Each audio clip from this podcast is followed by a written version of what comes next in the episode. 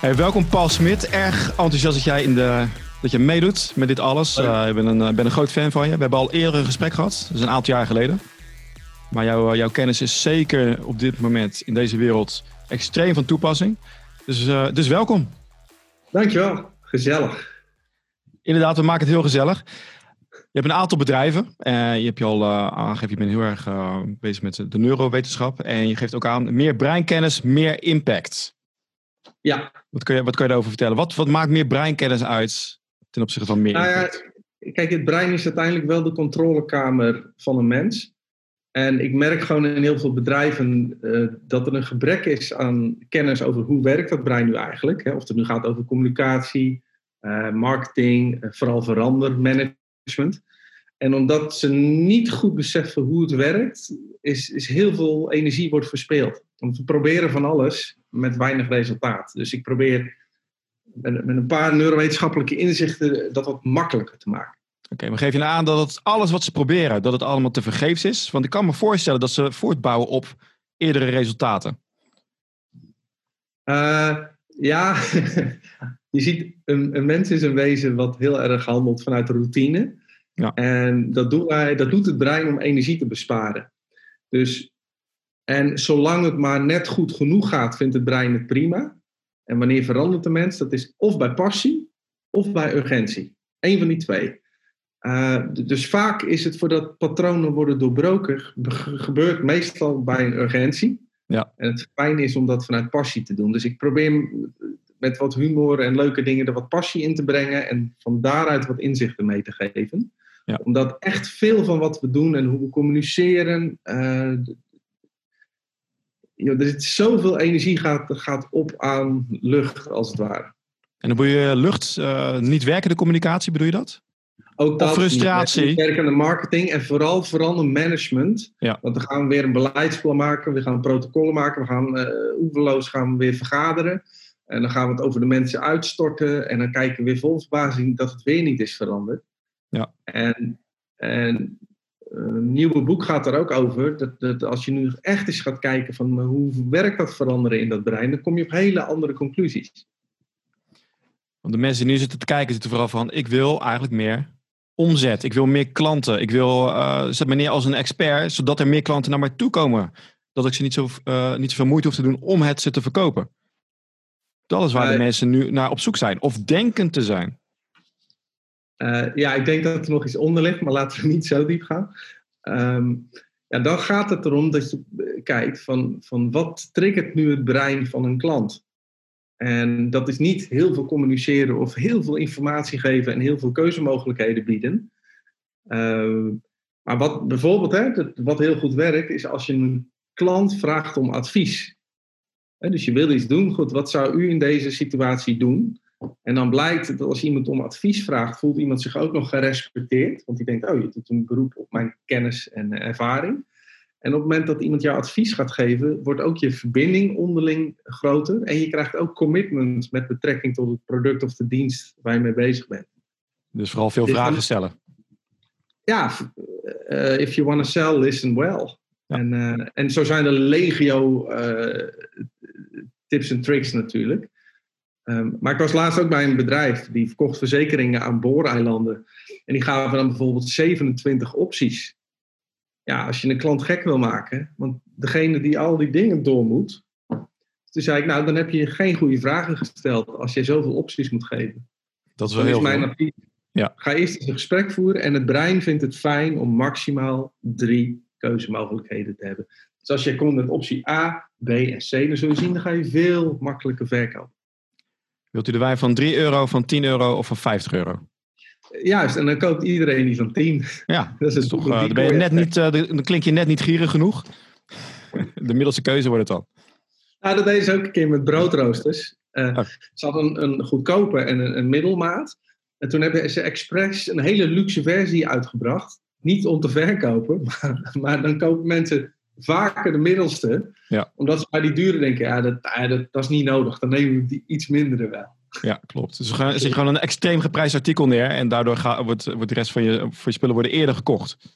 juist. Heel apart hoe dat werkt, inderdaad. Ja. Dus ja, ik, ik ben altijd wel benieuwd naar uh, perceptie.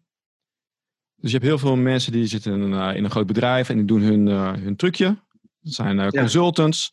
En die denken dan, ik ga het voor mezelf beginnen. En die komen dan achter van, oh wacht eens even. De mensen komen helemaal niet zo makkelijk op mij af. Dat het hele marketingstukje zijn vergeten. Heb jij tips voor mensen als zij zelf te werk gaan? Hoe kunnen zij, uh, stel ze werken bij een, bij een groot gerenommeerd bedrijf. Als ze in een eentje beginnen, dat zij ook weer diezelfde perceptie krijgen van ik ben een expert. Of ik ben in ieder geval een autoriteit, ik weet wat ik doe. Want in dat andere bedrijf worden ze meteen gezien als een expert, autoriteit, kom maar binnen. Doe je ding. Uh, ja, en, en, tussen in loondienst werken of uh, ondernemer zijn, daar zit echt een uh, groot verschil in. Ja.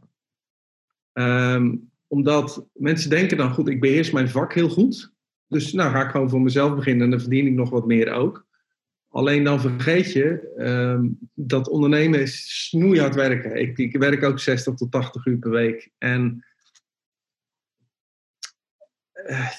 het is je moet niet alleen je vak goed kennen, maar je moet ook zorgen dat je zichtbaar bent. Je moet ook koffie gaan drinken met mensen. Je moet ook nog eens op je social media zichtbaar zijn. Je moet ook nog eens wat YouTube-filmpjes maken. Hè? Dat, dat meer exposure effect moet je creëren. En dan zorgen dat je zichtbaar blijft. En dan moet je ook de, de, de verwachting van de klant iedere keer net iets overtreffen. Hè? Want als je een 8 of hoger scoort, dan komen ze bij je terug. Maar dan gaan ze je ook doorvertellen uh, aan anderen. Mm -hmm. Dus ondernemers gaan heel hard werken. En als je daarin ook nog eens de ruis weg weet te halen van wat je doet, ja, dan kan het uh, nog iets gaan opleveren, zeg maar. Terug naar die uh, perceptie. Hè? Hoe, hoe kunnen die mensen, die, uh, die ZZP'ers of MKB, zorgen dat zij worden gezien als de expert? Naar buiten toe. Want je geeft al aan, het heeft niks te maken met hoeveel het vertellen over hoe goed je wel niet bent. Nee. Maar heb je een aantal elementen die je wel toe kan passen om te zorgen dat die perceptie dusdanig is dat mensen echt denken van jij bent de enige keuze? Ja, kijk, wat dan op je website natuurlijk uh, het allerbelangrijkste is, zijn testimonials. Uh, met foto's en functieomschrijving van mensen erbij. Dat we zien dat het echte mensen zijn. En die worden in 96% van de gevallen gelezen. Hè? Want wij zijn sociale wezens, dus wij checken heel erg van wat vinden andere mensen van jou. En dan gaat het nog om jezelf primen. Hè? Dus met welke omgeving ben je omringd, welke kleding draag je, uh, kun je zelf nog framen hè, van wat is precies jouw expertise. Want als jij zegt dat je overal goed in bent, ben je ongeloofwaardig. Ja. Dus wat nog beter is, ik zeg bijvoorbeeld van ik ben heel slecht in coachen. Dat ben ik ook echt. Ik heb geen aandachtscurve, en, maar ik, kan heel goed spreken. En op het moment dat ik zeg dat ik hier niet goed in ben en daar wel, word ik geloofwaardiger. Hè? Dus dat is ook nog een beetje framen van jezelf. En als ik bijvoorbeeld, uh, ik heb veel uh, coaches gecoacht. Uh, ook al kan ik dat niet goed. maar, en als ik dan zie wat voor websites zij hadden, dan dacht ik, ja, ik snap dat je geen klanten hebt. Want niets in deze website laat zien dat jij een autoriteit bent op dit gebied. Ja.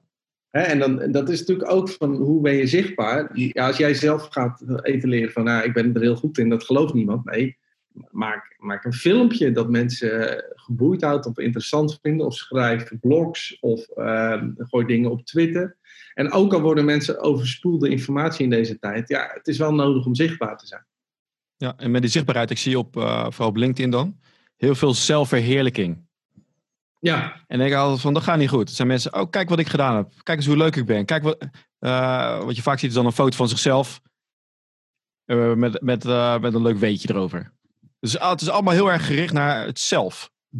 Ja, en de, dat is niet zo chic. Dat is natuurlijk, uh, Instagram is natuurlijk uh, het platform voor seksuele selectie. Het is gewoon uh, een soort verkapte Tinder als het ware. Maar LinkedIn begint dat ook een beetje te worden. En dus op het moment dat jij namelijk een, een filmpje of een blog schrijft over een bepaald onderwerp, wat mensen heel interessant vinden, dat is veel krachtiger. Want dan hoef je nog niet eens te gaan vertellen van, oh kijk mij eens even. Ja. Maar mensen zien dat automatisch denken, oh daar heb je aan geschreven. Daar heb je dus heel veel moeite voor gedaan. Daar heb je over nagedacht. En, uh, en dat is chiquer. Maar ik zie nu steeds meer mensen die, uh, ja bijvoorbeeld als een Indiase guru iets zei, nou dan werd uiteindelijk uh, werd daar een foto van die man gezet. Die man was dan overleden en zijn quote kwam er te staan, hartstikke mooi. Maar nu beginnen mensen zelf quotes te verzinnen, zetten ja. een foto erbij en doen alsof ze een of andere guru zijn. En dat is een beetje, een beetje voor oppassen, want seksuele selectie op LinkedIn is niet zo uh, chic. Het is zeker niet chic, maar uh, werkt het dan wel eigenlijk? Want ik zie het wel, nou, maar zou, zou denk, het werken? Mm, het, het kan ook aversie oproepen, hè? Want ik, dat doet het bij mij. Want dan denk ik, ach, weer zo eentje die bezig is met zelfverheerlijking. Ja. Dan denk ik, creëer eerst maar eens iets wat, wat, wat mij raakt, wat ik mooi vind. Hè? Dus, dus uh, als Phil Collins een nummer schrijft wat me raakt, dan waardeer ik hem om het schrijven van die nummer. Maar als hij een quote zou posten met een foto van zichzelf, ja, ik ben echt uh, een van de beste zangers ter wereld. Ja. dat doet toch een beetje. Ja, dat is, dat is, inderdaad, dat, dat, dat zou, je, zou je heel raar vinden, maar dat gebeurt continu. Ik vind, ik vind het wel mooi dat je het zo zegt, inderdaad. Van, uh, Phil Collins, je gaat niet zeggen van kijk eens hoe goed ik ben. Hij maakt een nummer wat jou raakt. Ja, en, en daardoor wordt. Maar zo iemand heeft het ook helemaal niet nodig om op social media nog dat te doen. Dus het is een beetje bij gebrek aan talent, heb ik soms het idee, of gebrek aan inspiratie, dat mensen dat dan maar doen. Ik zie dat nu ook op, uh, op, op Instagram. Dan gaan ze met foto's van zichzelf en een quote eronder dat posten. Ja, ik. ik tja. Dat, zien we bij jou, dat gaan we bij jou niet zo, snel zien. Ik doe het wel eens, maar dan altijd met een kwinkslag. En dan zeg ik zo even postje seksuele selectie uh, vanochtend. Kijk, maar wil, ik, wil liken, anders voel ik me weer uh, minder. Ja, dat soort dingen doe ik wel eens. Maar ik, ik ben met een, een knipoog.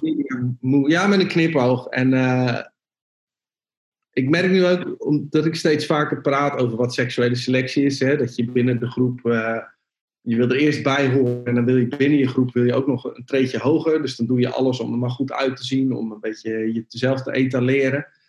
En, en dat doet de pauw met zijn staart. En een man die koopt een hummer. En, en social media is, is daar ook vol van. Maar als mensen dat gaan herkennen, merk dat, dat ze er wat voorzichtiger in worden. Oh, toch wel. Heb je daar onderzoeken over? Van hoe zit het met social media en uh, inderdaad hoe je jezelf tentoonspreidt? Wat wel en wat niet werkt. Uh, Los van of jij het vervelend vindt. Hè? Want het kan best zijn dat jij sommige posts gigantisch vervelend vindt, maar ze werken gewoon heel erg goed. Nou, bij sommige mensen die, die uh, ik ken ook een paar mensen die, uh, waarvan ik weet dat die een narcistische persoonlijkheidsstoornis hebben. En die worden gekenmerkt door een gebrek aan zelfreflectie. En als ik zie wat die posten, dan denk ik, dit, dan heb je echt lef, weet je wel. Ja. Zoveel zelfverheerlijking. Maar er is wel een groep mensen die dat lekker vindt. Want in de oertijd was het al zo, als iemand heel zelfverzekerd is, dicht je die persoon een hogere status toe. Ja. Um, en dus op het moment dat jij jezelf heel zelfverzekerd neerzet, zoals Trump doet bijvoorbeeld, die heeft natuurlijk ook zo'n stoornis. Ja, veel mensen gaan je wel volgen. Wat ik wel fascinerend vind. Dus ja, wat, is jouw, wat is jouw verklaring daarvoor? Ik heb er wel eentje, maar uh, die zelfverzekerdheid, waarom dat zo aantrekkelijk is. Even los van of het goed of fout is wat de man zegt. Waarom is die zelfverzekerdheid zo belangrijk? Nou ja, het, het, uh, vanuit de oertijd naar het overlevingsinstinct gezien. Uh, je ging de, de persoon volgen waarvan jij dacht: als ik die volg, komt het allemaal goed. En op het moment dat iemand zou twijfelen en zegt: ja, misschien kunnen we met de groep deze beslissing maken en daar gaan jagen, maar ja, moet nou even over nadenken hoor. Dan dacht iedereen, oh, maar die weet het niet zeker, die gaan we niet volgen. Ja. Dus wat zie je nu? Dat mensen die wijs zijn, zijn vaak genuanceerd en worden dus niet gevolgd. Ja. Mensen die een groot Dunning-Kruger effect hebben, heel hard iets roepen met een grote stelligheid, worden wel gevolgd. En dat is waarom het ook in de politiek uh, niet altijd uh, optimaal gaat. En wat nu, verdenk ik, uh, nu verdenk ik Trump ervan ja. dat hij dat ook weet. En dat hij zelf veel genuanceerder is, wat ik heb gezien in interviews. Ja. Ik was altijd wel gefascineerd van hoe gaat hij nou te werk. En dat hij zo extreem, die extreme uitspraken doet om groepjes mensen voor zich te winnen. Omdat hij weet dat mensen alleen maar luisteren als hij stellig is. Uh, klopt, ik denk ook dat Trump slimmer is dan dat wij denken. Hij schijnt ook een IQ te hebben van boven 150 als het waar is. Ja. Uh, wat Trump goed doet, is neuromarketing. Ja. Um, voorbeeldje. Hij had dat debat met Hillary Clinton en toen ging het over hoe gaan we het immigratieprobleem oplossen. En zij begon met allemaal statistieken, met haar negen stappenplan. En iedereen haakte af. Dat is te veel informatie voor het brein. En hij zegt alleen maar, I'm gonna build a wall. Ja. En dan kun je zeggen, dat is super naïef om zoiets te zeggen. Maar het werkt, want iedereen kan in zijn hoofd een muur visualiseren. Ja. Dus dan bestaat het voor jouw hoofd. En het is eenvoudig. En als je dat maar consistent blijft herhalen. En, en de gemiddelde mens is nu eenmaal niet bijster intelligent. En daar speelt hij mooi op in. Door heel hardnekkig gewoon maar op iets te roepen of lekker op angst in te spelen. En uh, ja, zijn neuromarketing heeft hij wel op orde. Ja, dus uh, hij, uh, ik, ik verdenk hem ervan dat hij het allemaal heel strategisch doet. Ja. Kijk, wat er gebeurt is dat experts in het werkveld die denken van ja, weet je, mijn werk is veel genuanceerder. Ik heb heel veel kennis. En die voelen zich minder als zij de boodschap zo moeten verdunnen, zoals build a wall, terwijl het wel werkt. Juist. Dat is een stukje ego, of niet? Van wie? Van de persoon, uh, van, de, van de expert. Ja, die is bijvoorbeeld echt expert, die kan echt mensen helpen. Ja, maar wat je krijgt is, is kijk, met Dunning-Kruger effect houdt in dat mensen die heel weinig kennis hebben, hebben vaak heel veel vertrouwen. Ja. En als je richting experts gaat, uh, die weten heel veel. En daardoor besef je dat er ook nog eens heel veel is wat je niet weet. Ja. En dan blijkt dus dat je vertrouwen omlaag gaat. Ja. Uh, mijn collega bijvoorbeeld, zij heeft drie universitaire titels. Een neurowetenschapper, een psycholoog en alles.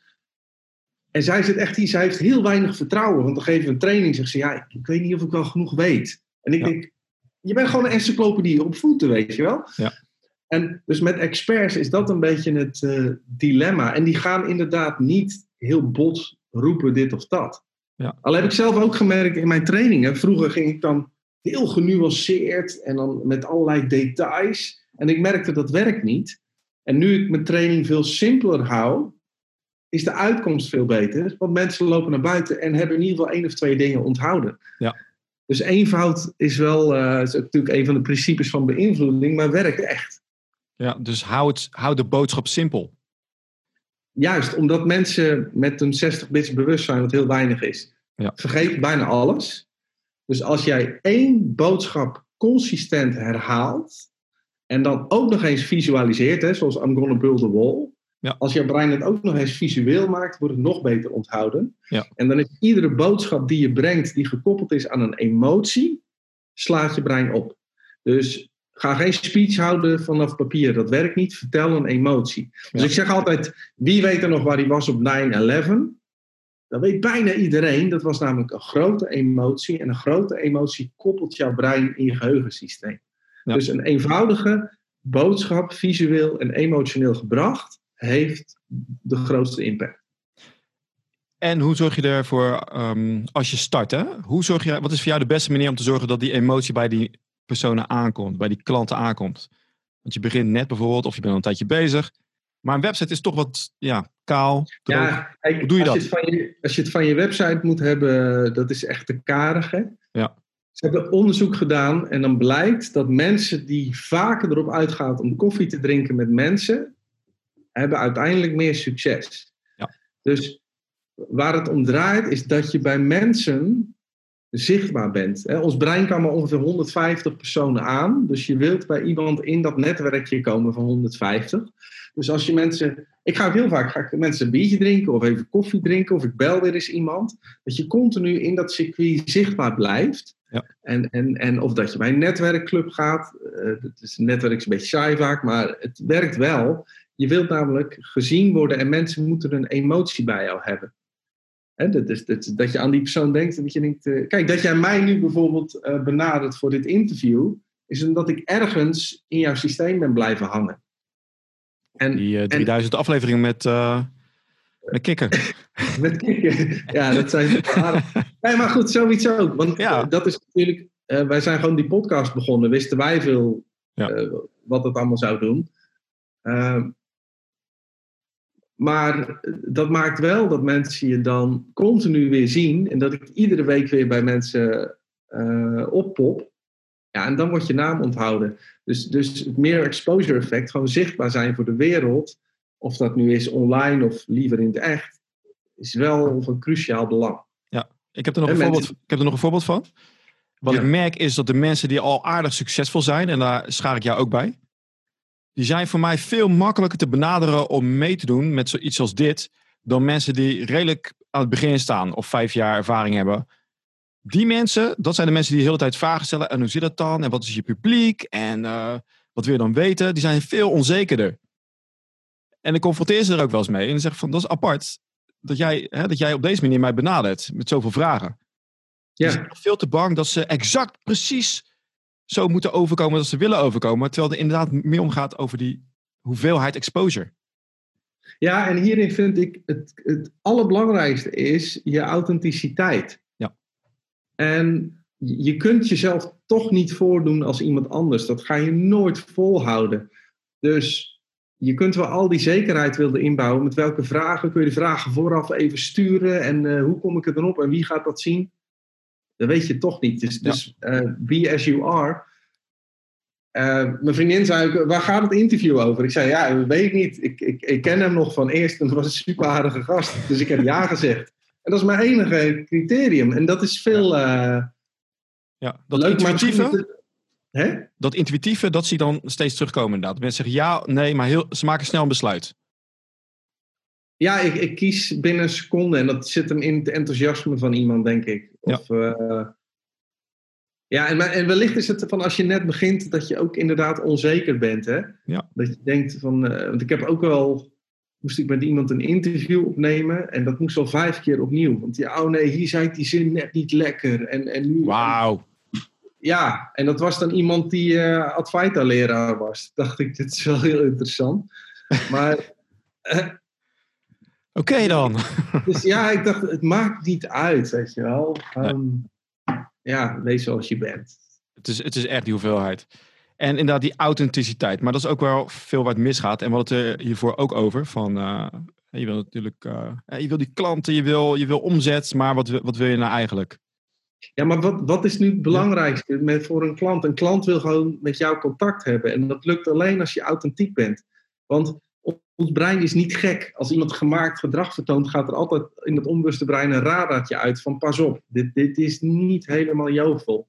Ja, en dus- wat ik merk is dat ze dan uh, uh, eh, of gebruik maken van een script, of het allemaal uit hun hoofd leren om die exacte zin te maken. Maar in mijn ervaring is het veel handiger om echt proberen de diepte in te gaan met iemand. Door het stellen van vragen, door echt de connectie te leggen met iemand. Ja. Daar bouw je die band mee op. Maar dat wordt. Ik merk het zo vaak bij, bij verkopers. Dat het een soort robotscript is wat afgespeeld wordt. Ik had een goed voorbeeld. Was bij Audi was er een verkoper, een jong mannetje. En die verbrak in één jaar alle records. Maar die jongen was gewoon heel frivol, authentiek. Ja. En toen won hij die prijs van meeste, uh, beste autoverkoper. En toen verkocht hij daarna vier maanden lang niks.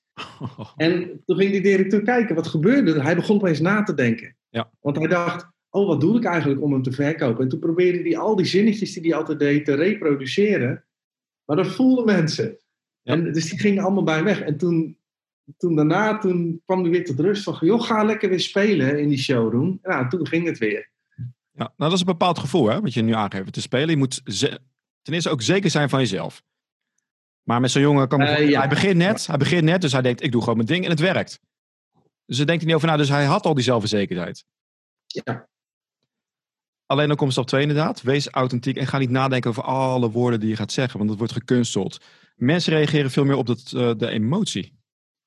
Het gevoel wat jij hebt, wat je over wil ja, brengen. Ja, ja. En, en, wij denken dat we rationele beslissingen maken, maar de keuzes in het brein worden gemaakt in het limbisch systeem. Ja, dus puur op basis van gevoel en emotie. Ja. En daarna verzint jouw ratio een verhaaltje over waarom je het hebt gekocht. Dus dat ratio heeft in de selectieprocedure uh, zeg maar wel een functie.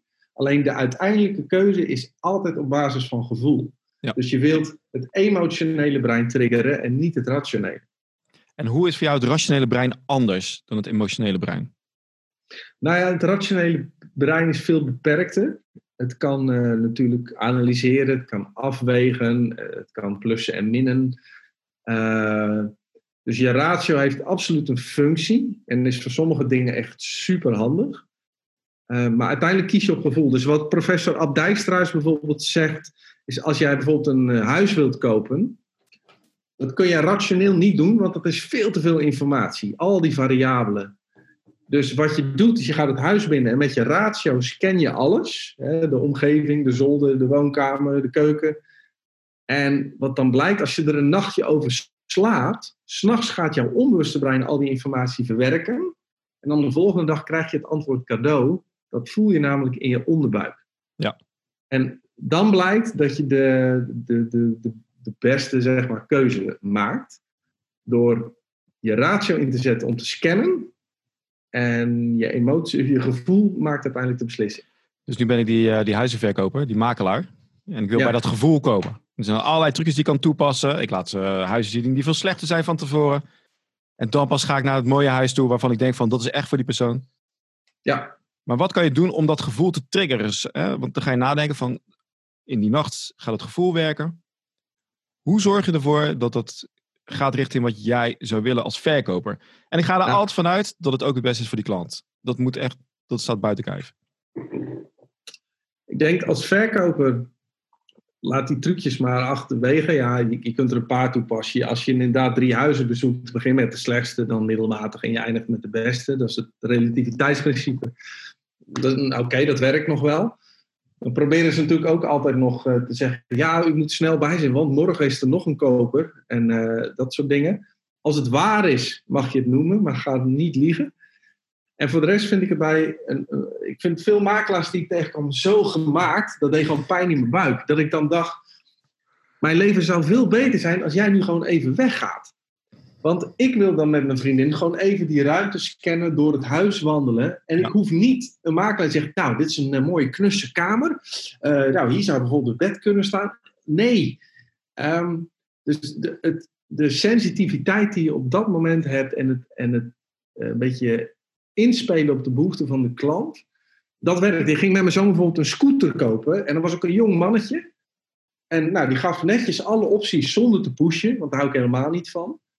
En toen op een gegeven moment voelde hij dat ik even met mijn zoon alleen wilde zijn. Om gewoon te overleggen. Zei hij, neem je tijd. Ik ga eh, zo een kopje koffie halen. Eh, ik ben beneden.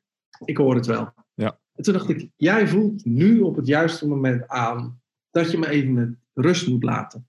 Nou, dat heeft gewerkt, want dan overleg ik en dan heb ik hem gekocht. Maar als hij erbij was gaan staan en er doorheen was gaan, eh, gaan mekkeren, dan triggert hij zeg maar, in mijn limbisch systeem niet de juiste emoties. Want dan vind ik het irritant. Dan gaat mijn insula, mijn pijnsysteem omhoog.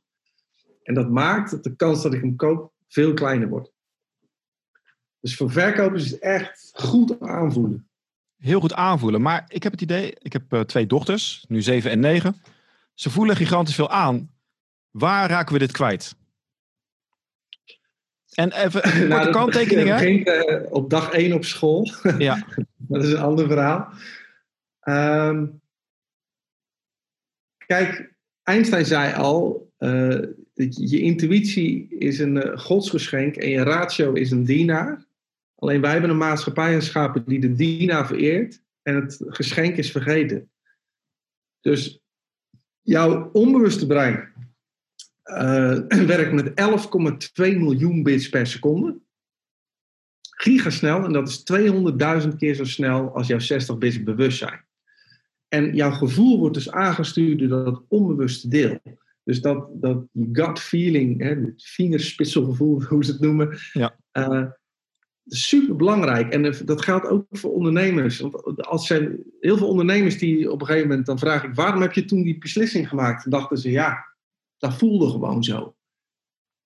En hebben ze bij, bij Google zelfs ook onderzoek gedaan dat de beslissingen die zij maken vanuit onderbuikgevoel hebben vaak een veel betere uitkomst dan al die rationele dingen waar nog honderd keer over wordt vergaderd. Dus ik denk dat we als mens al vanaf onze jeugd veel meer mogen leren vertrouwen op, op dat onderbuikgevoel. Ja. En dat, dat ratio. Nou ja, dat zie je ook bij al die ondernemers, jongen. Alles moet in Excel, alles moet verantwoord worden in, in sheets en controle. Ja. controle. En, en al die bedrijven worden dus lam gelegd, omdat controlemechanismen eh, slopen de creativiteit. Ja.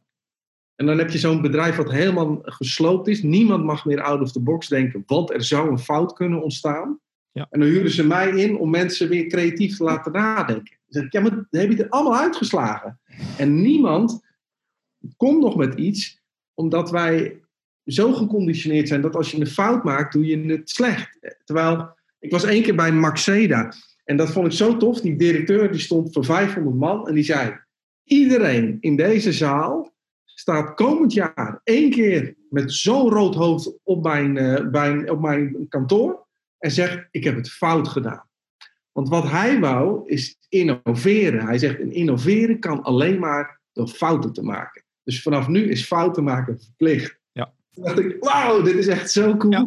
En wat je al zei, het wordt er vanaf jongs af aan uitgeslagen. Maar mijn dochters bijvoorbeeld, die zijn inderdaad bang voor die rode streep, die rode pen op school. Juist, ja. Ik, haal erin, fout, maak fouten, met fouten leren. Ik vertel ze altijd al mijn fouten van toen ik jong was. Dus ik heb echt veel dingen voor ik, uh, ja, als ze dat horen, zeggen ze, pa, serieus, heb je dat echt zo gedaan? Ik maak het zo, ja, maar het zijn allemaal waar gebeurde verhalen. Ik zeg, iedereen maakt fouten. Ja. Luister naar, ook heel de tijd, uh, luister naar je gevoel. Je hebt een bepaald gevoel. Wat denk je wat het is? Weet je wel? Dus luister daarna.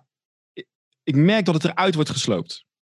Ja. Dus ik ben er heel erg mee bezig om dat erin te houden, omdat het zo waardevol is. Ja, het is heel belangrijk. En uh, als ondernemer, ze hadden een onderzoek gedaan. Uh, je moet eerst 3,8 keer falen gemiddeld, voordat je je eerste ding hebt dat je denkt, oh, dit werkt.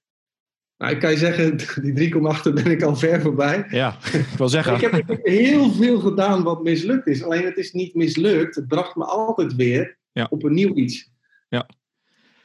Dus luister naar het gevoel en met die sensitiviteit ga je ook veel meer zien van wat heeft iemand nou echt nodig. Is wat jij brengt wel wat die persoon nodig heeft. Al van Ja. tevoren, hè? in plaats van dat je denkt van oh, ik heb een leuk idee, laat ik eens toe gaan passen. En hoe krijg je dat? Door te praten met mensen.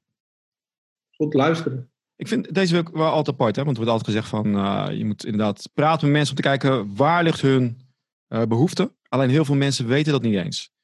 Dat is het eh, bekende verhaal van Steve Jobs. Die, die Mhm. ging niet vragen van hebben mensen een iPad nodig. Hoe kom je er dan toch achter wat die behoefte is? Als de mensen het zelf Ja. niet eens weten. Ja, slim. Dat is natuurlijk dat goede verhaal van eh, Harrison Ford was het volgens mij. Die zei, als ik klant had gevraagd wat ze willen, hadden ze gezegd snellere paarden.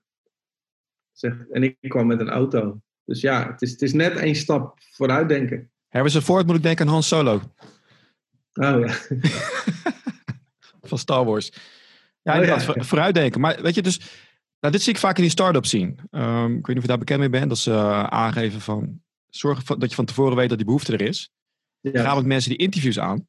Alleen loop ik er altijd, heb ik altijd die kant tegen van ja, maar als je mensen gaat vragen, ze komen er niet altijd zelf op. Het is ook mijn verhaal, mijn marketing, hoe ik het neerzet, hoe ik het positioneer, dat die behoefte ontstaat. Juist. Ja, en, en je kunt wel vanuit het brein kijken. Hè? Dus wat wil het brein? Dat is nu erg gaande, is eh, het, het, het reptiele brein wil zeg maar zijn routine houden. Dus, Ja. dus als je iets brengt, moet het nog wel iets zijn wat mensen, dat ze eraan kunnen refereren. Eh, dat zoogdierenbrein wil en plezier, maar wil ook zoveel, zoveel mogelijk moeite vermijden. Dus Ja. in Amerika staat helemaal in, dat is reducing friction. Dus dan Ja. kijken ze gewoon naar de klantreis. En hoe meer frictie je eruit haalt, des te meer het brein daar naartoe beweegt. Dus bij Amazon X-Ray kwamen ze erachter dat als wij series kijken, klikken we heel vaak op pauze. En dan gaan we googlen op de acteurs. Ja. Dus wat ze nu hebben gedaan is als je op pauze klikt, zie je direct van de acteurs in beeld de biografie. Kijk, Dat soort dingetjes. En, en dus als je, en als je goed kijkt naar de klantreis, dan zie je dat er nog heel veel frictie in zit. En, en die je allemaal weghalen. Het moet zo makkelijk mogelijk zijn. En dan tenslotte de neocortex. Dat is het meest idealistische deel van ons brein. Die wil graag een bepaald eh, doel hebben. En die wil iets, iets eh, bijdragen. Dat zie je ook met de nieuwe generatie heeft dat wat meer, heb ik het idee. Het moet wel meaningful zijn allemaal. Nou goed, daar, daar kun je allemaal, eh, op die delen kun je allemaal inspelen. ja, dus niet, niet bijvoorbeeld, je wil meer, meer klanten, ik noem wat op. Maar je doet het ook voor een betere toekomst. Of wat je nu ziet met het MVO. Ja. Eh, voor de natuur, voor een groter iets. Zijn we, zijn we daarvoor gewired om iets, een groter doel na te streven. Eh, ja, bij mensen eh, zit wel in ons dat wij een, een doel hebben. Dat voegt zelfs wat passie toe, maar ook een geluksgevoel. Ja. Omdat in ons zit wel dat we binnen onze sociale groep iets willen bijdragen aan het geheel. Als je dat helemaal terugvoert, is dat ook weer seksuele selectie. Maar het is wel iets idealistisch wat in ons zit. En in deze tijd, deze coronatijd, heel veel onzekerheid, heel veel ondernemers gaan failliet. Veel onzekerheid, veel angst. Ja. Als je angst hebt, ga je verkrampen, zoals je wel weet. Dan ga je niks meer doen. Nee, en het blokkeert direct je creativiteit. Ja. Dus je, je brein gaat in de vecht- of vluchtstand. En eh, dat is het einde van alle innovatie. Dus cortisol komt vrij. Dat is inderdaad dat, dat stresshormoon. En Ja. je brein kan dan daadwerkelijk minder connecties maken. Het heeft voor mij te maken dat je dan eh, dat je brein denkt van eerst eh, maken dat je wegkomt, maar dat kan niet in deze situatie. Nee. Heb, jij, heb jij een antwoord hierop? Van hoe kan je zorgen als ondernemer dat je dan toch verder komt? Ook al weet je dat je op een soort gereduceerd, met een soort gereduceerd brein werkt. Ehm, nou, de kunst van de ondernemer vind ik, eh, is je rug recht houden. Dus in- niet in een blinde paniek zakken, maar rust nemen eh, en daarna direct schakelen van wat gaan we nu doen. En dan desnoods wijs je je koers, hoe moeilijk het soms ook is. Eh, ik heb ook alles moeten omgooien. Ja. Maar goed, ik had wel binnen een maand weer allerlei nieuwe dingen staan en, en eh, twee nieuwe bedrijfjes. En, en dan gaan we die koers maar varen. Dus, dus gewoon het snel schakelen is echt cruciaal. Hoe heb jij dat gedaan? Want jij hebt ook, het maar je geeft veel presentaties. Bij jou ging ook alles op slot. Nou ja, ik had 30 shows per maand staan. En Ja. dat ging in één keer voor het hele jaar ging dat eruit. Ja. Nou ja. eh, en dan ga ik kijken, wat kan wel? Nou, dan had je online mogelijkheden. Dus ik had binnen een week mijn webinar klaarstaan en opgenomen. Nou, die heb ik echt wel goed verkocht, moet ik zeggen. Eh, en to- toen ben ik gaan kijken naar wat plannen die ik had, die ik eigenlijk al lang wilde doen, waar ik geen tijd voor had. Dus ik heb nu een, een videobedrijf eh, opgericht. Wij maken one-minute video's, gewoon om je bedrijf in één minuut superkrachtig neer te zetten. Nou, dat heb ik nu op poten gezet. En in Amerika heb ik nog een consultancybedrijf. Daar zijn we nu een online eh, cursus eh, voor aan het neerzetten. En, dus, maar goed, dat, dat vond ik wel leuk. Dat kan binnen één maand schakelen en door. Dus, dus gewoon het durven loslaten is het belangrijkste. En dat geldt ook. Wat blijkt is wanneer een bedrijf succesvol is, dat is niet omdat ze continu iets nieuws doen. Dat is, dat is omdat ze datgene wat niet werkt loslaten. Ja. En dat hoort ook bij ondernemen. Want ik snap ook, ik heb soms ook, dan heb ik 200 uur in iets gestoken. En dan voel ik, dit werkt niet. En dan doet het gewoon pijn om op die delete-knop te drukken. Ja. Maar doe het wel. Want, want eh, je maakt daarvoor ruimte vrij voor nieuwe dingen. En het hoort erbij dat je dingen start die niet werken. In de tijd bij loss aversion. Ehm, Ja. Dat wil zeggen dat je heel veel tijd ergens in hebt gestoken. Ook relaties, ook werk. Je Ja, hebt er zoveel tijd in gestoken dat je denkt van ik wil dit niet loslaten. Mijn ervaring is als je daar al bewust van bent, weet je, oh dat is loss aversion. juist. Mijn Ja. brein wil het vasthouden, omdat er zoveel tijd in gestoken is. Maar eigenlijk moet ik het Ja. loslaten en wat nieuws proberen. Juist. Wat, is- wat is jouw techniek om zo makkelijk te kunnen schakelen? Was je altijd Nou, ik al heb- sneller? Schaker. Ja, ik heb van nature heel veel dopamine. En dopamine-types die eh, zijn heel springerig. Dus ik duik van het een naar het ander. Ik vind dat leuk. Ja. Dus als je een serotonine-type meer bent, dat zijn mensen die functioneren meer vanuit routine, structuur, punctualiteit. Die vinden dat lastiger in dit soort situaties. Dus ik vind dat alleen maar leuk. Ik denk, oh, nou goed. En nu heb ik ook makkelijk praten, want ik heb natuurlijk eh, geld zat. Eh, dus als, als ik net zou moeten rondkomen, had ik misschien wel meer stress gehad hoor in deze tijd. Heb je daar nog ideeën van hoe kan je dat to- toch loslaten? Want ja, je hebt een luxe positie, dus je kan ook al die andere dingen doen. Maar wat als je nou al je zin hebt gezet op dit project?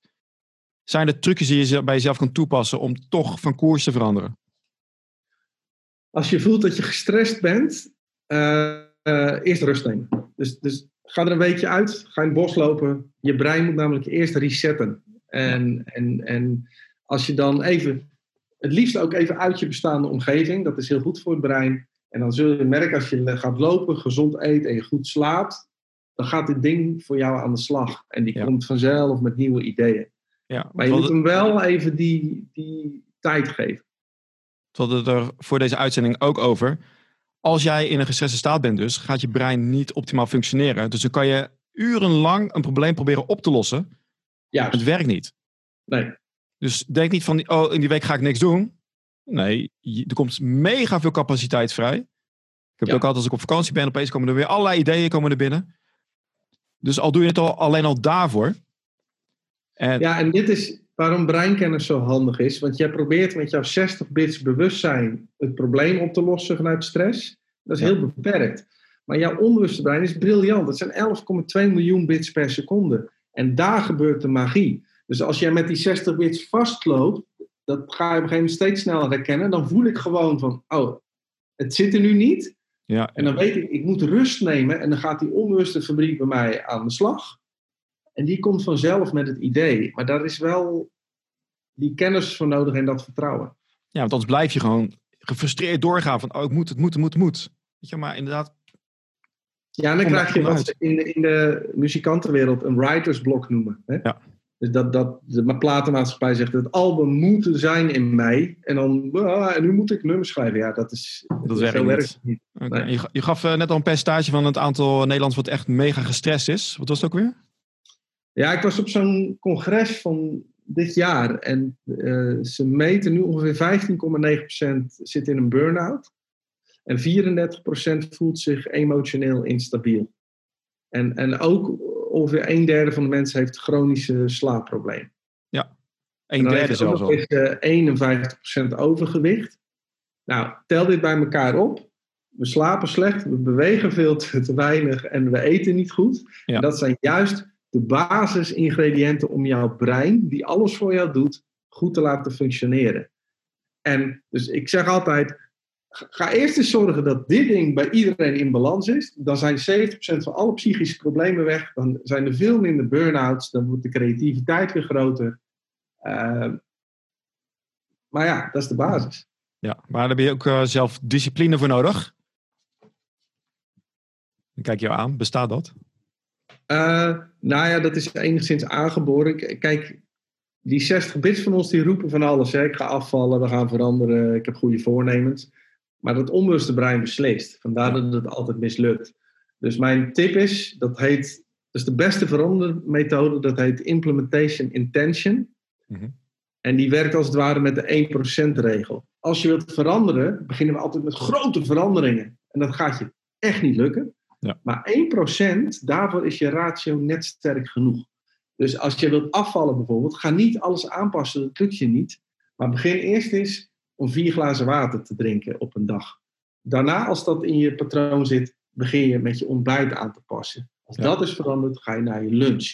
En, en zo zou verandermanagement ook veel nuttiger zijn als we met kleine, concrete stapjes veranderen. In plaats van al die projecten die ik in rook zie opgaan. Ja. Het voelt veel minder, voelt veel minder fijn. Hè? Het is leuk om te zeggen, ik ga alles aanpassen en binnen een week ben ik opgewicht.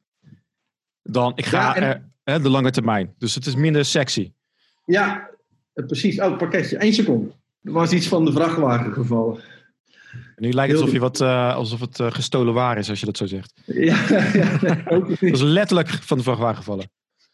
Hey, ter, ter afronding, ik, ik vind het, dit soort gesprekken vind ik echt fantastisch. Ik ben er mega gepassioneerd enthousiast over.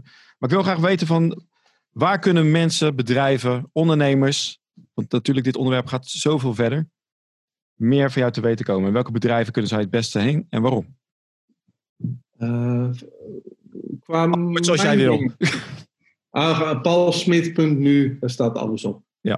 En dat is vooral eh, wat ik doe qua spreken en eh, die neuro-impact training. Ja, die, die, die is redelijk nieuw, Neuro Impact. Ja, die is ook nieuw. Ja. En die. ja, dat, dat is eigenlijk een spoedcursus breinkennis voor Ja. bedrijven. En eh, is het nou zo dat je echt, echt veel breinkennis moet hebben? Of zeg je van, nou ja, het is meer dat je inzichten krijgt?